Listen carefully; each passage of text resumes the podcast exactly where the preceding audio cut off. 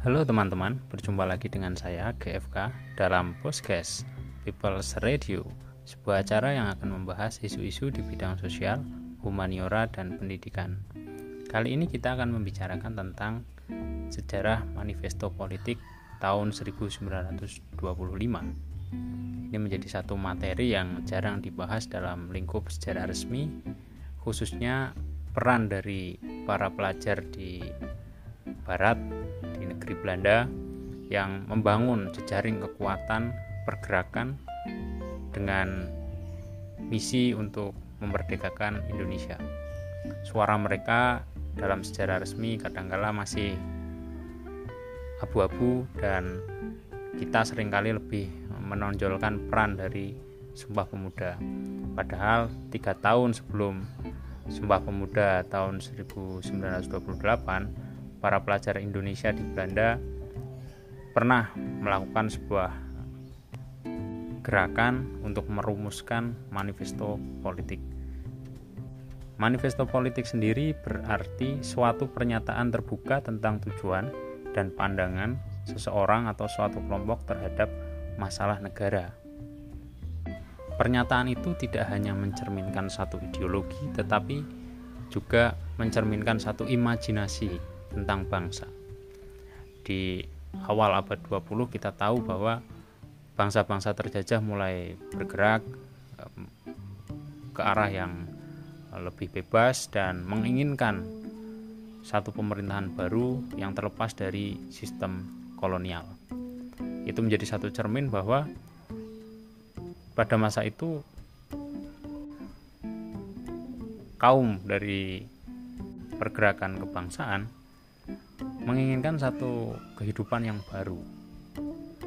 Kita juga tahu bahwa kolonialisme telah menjadikan bangsa ini mengalami penderitaan dan memori kelam tentang penjajahan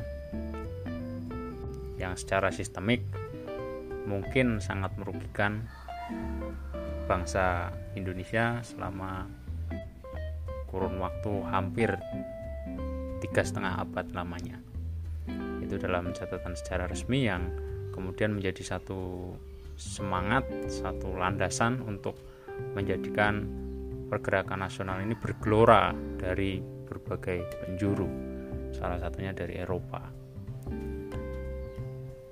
Dari kisah perhimpunan Indonesia yang pernah kita bahas juga kita ketahui bahwa semangat dari golongan mahasiswa golongan terdidik di Eropa sana itu sejalan atau sinergis dengan semangat dari golongan terdidik di dalam negeri India Belanda waktu itu. Mereka juga sudah mulai berpikiran tentang Indonesia merdeka dan bukan hanya berpikiran tetapi juga sudah berani mengkampanyekan atau mempromosikan konsep-konsep tentang kebangsaan khususnya yang berkaitan langsung dengan pembentukan Indonesia Merdeka. Tokoh-tokoh itu seperti kita ketahui yang di antaranya adalah Gunawan Mangunkusumo, Muhammad Hatta, Iwa Kusuma Sumantri, Sastro Mulyono, dan Mr. Sartono yang cukup berpengaruh di dalam Perhimpunan Indonesia. Perhimpunan Indonesia yang semula bernama Indische Vereniging merupakan satu organisasi yang tumbuh besar di periode radikal yang artinya mereka adalah salah satu pelopor di dalam penentangan atau proses melawan pemerintah kolonial dan dilakukan secara keras khususnya melalui jalur pemikiran. Kita paham bahwa semboyan dari Perhimpunan Indonesia adalah Indonesia Merdeka Sekarang. Itu sebuah kritik tajam sekaligus imajinasi yang sangat kritis pada masa itu untuk mewujudkan satu negara baru yang terlepas dari sistem kolonial dan tentu negara baru itu didasarkan pada pikiran-pikiran ideal yang menjadi dasar untuk membentuk satu masyarakat yang adil, makmur, dan tentu modern. Untuk mencapai tujuan itu, salah satu gerakan yang monumental dan cukup berpengaruh e, dari Perhimpunan Indonesia adalah Manifesto Politik 1925 yang diterbitkan di majalah Hindia Putra. Majalah Hindia Putra di kemudian hari berganti nama menjadi Hindia Merdeka. Pada saat Perhimpunan Indonesia diketuai oleh Sukiman Wiryo Sanjoyo yang di kemudian hari juga menjadi tokoh politik saat Indonesia merdeka. Lalu apa isi dari manifesto politik 1925 itu yang membuat ya menjadi sangat monumental dan perlu untuk kita ingat.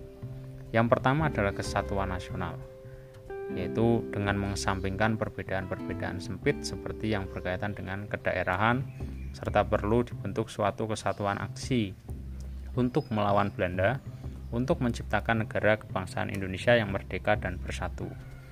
Yang kedua, solidaritas. Terdapat perbedaan kepentingan yang mendasar antara penjajah dengan yang dijajah. Oleh karena itu, haruslah mempertajam konflik antara orang kulit putih dan sawo matang tanpa melihat perbedaan antara orang Indonesia itu sendiri.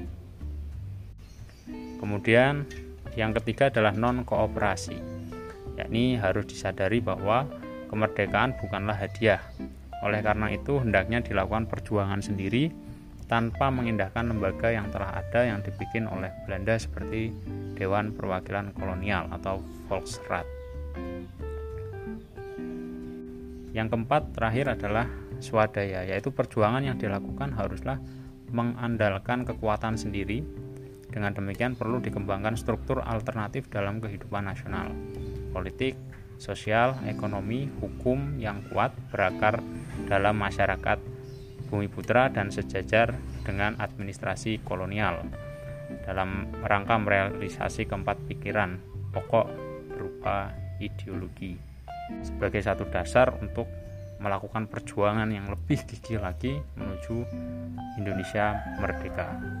Manifesto politik ini cukup membuat kagum kaum pergerakan di tanah air di Hindia Belanda waktu itu karena ternyata dukungan terhadap gerakan kemerdekaan di Hindia Belanda juga dilakukan dari luar negeri yang artinya itu akan semakin memperluas cakrawala dari gerakan pergerakan kebangsaan itu sendiri dan itu akan menambah kekuatan untuk melawan pemerintah kolonial.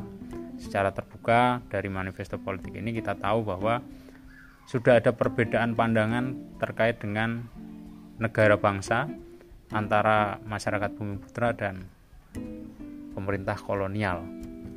Di sinilah titik di mana kita harus memahami bahwa manifesto politik ini memiliki satu peran di dalam pergerakan kebangsaan dan bukan hanya peran yang biasa tetapi juga peran radikal untuk mengkritik sekaligus meniadakan kolonisasi di Hindia Belanda keberanian itu harus kita apresiasi karena disuarakan langsung dari pusat pemerintahan kerajaan Belanda yaitu di negeri Belanda sendiri merupakan negara induk dari koloninya di Hindia Timur atau Hindia Belanda. Ada satu pendapat yang menarik dari Profesor Taufik Abdullah, seorang sejarawan senior yang mengungkapkan konsepsi manifesto politik cenderung dianggap sebagai mitos bangsa. Kecenderungan berbicara tentang pergerakan pemuda ataupun nasionalisme serta persatuan dan kesatuan bangsa adalah berbicara tentang Sumpah Pemuda 1928. Dan hal itu kadangkala sering kali tidak menyinggung peran dari Perhimpunan Indonesia yang secara jelas menjadikan Indonesia tidak lagi sebagai sebatas pengakuan fundamental melainkan bangsa itu sesungguhnya masih dalam pembentukan dan sudah menjadi realitas nyata. Bahkan Profesor Syafi'i Ma'rif, seorang tokoh nasional, juga mengungkapkan bahwa manifesto politik ini sangat layak dan memang seharusnya menjadi satu peristiwa penanda kebangkitan nasional Indonesia yang digerakkan oleh golongan pemuda dan kaum terpelajar yang kedudukannya bisa dikatakan setara atau sejajar dengan Sumpah Pemuda. Menurut Sartono Kartodirjo, asas-asas perhimpunan Indonesia yang disebut juga Manifesto Politik 1928 ialah fundamen dari Sumpah Pemuda 1928.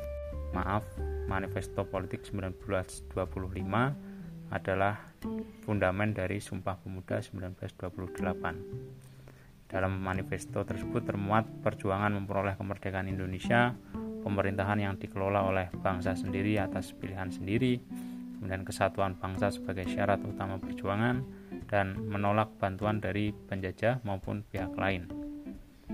Itu adalah satu gagasan futuristik yang kemudian melahirkan gerakan-gerakan dan melahirkan upaya-upaya yang lebih gigih lagi untuk mencapai kemerdekaan Indonesia.